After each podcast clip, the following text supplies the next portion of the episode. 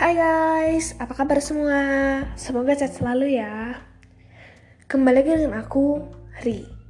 Hari ini, aku mau mereview novelnya Udah Afu Adi yang berjudul Anak Rantau. Happy adalah seorang remaja berdarah Minang yang sudah tergerus pergaulan ibu kota.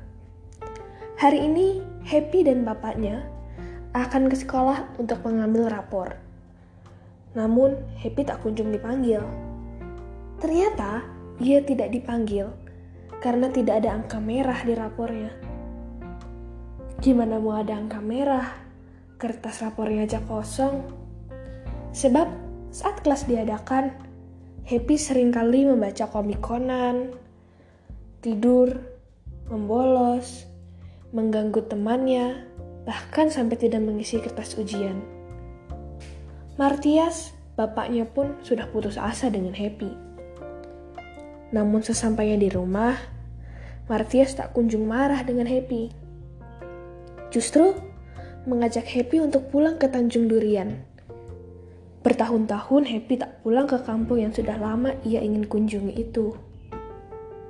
Ternyata, di balik niatnya Martias untuk mengajak Happy pulang ke Padang, Martias ingin Happy menjadi anak yang soleh. Happy pun di-drop di Padang dan ditinggal oleh Martias. Happy bahkan tidak tahu bahwa ia akan tinggal di Padang. Martias mengizinkan Happy pulang ke Jakarta apabila ia bisa pulang dengan uangnya sendiri. Namun, Martias berjanji akan menjemput Happy kalau ia sudah setahun di Padang. Semenjak kepergian bapaknya, Happy bersahabat dengan Atar dan Zen. Mereka bekerja paruh waktu demi kepulangannya Happy. Setiap hari, Datuk mengajarkan Happy mengaji. Ternyata, Martias juga sudah mendaftarkan Happy di SMP dekat rumah Datuk. Kecewa melanda Happy. Happy merasa orang-orang terdekatnya meninggalkannya dimulai dari ibu yang sudah meninggalkannya semenjak bayi, Martias, dan juga Dora, kakaknya. Martias berjanji akan menjemput Happy tahun depan. Sudah lama Happy di Padang. Ia sudah melewati suka dan duka dengan Atar juga Zen. Kini, perasaan sombong dengan julukan anak kota sudah tak ada lagi. Bahkan, Perasaan hendak kembali ke ibu kota kian memudar. Makin hari, ada banyak kejadian yang membuat warga resah. Dimulai dari azan yang berkumandang tanpa muazin, imam yang dimakmumin oleh makhluk goib, dan maling yang mengambil barang-barang hingga hampir habis. Semakin lama, Happy juga menduduki ranking satu di kelasnya. Selain unggul di pelajaran, ia juga mengikuti silat. Happy juga pernah masuk ke rumah orang yang dianggap menakutkan oleh warga sekitar karena punya sihir. Namun, Happy malah akrab dengan Pandai Kaluko karena kesamaan hobi mereka, yaitu membaca. Kalau di Jakarta Happy menghabiskan waktu di Kuitang, maka kini ia bisa bebas membaca di rumahnya Pandai Kaluko.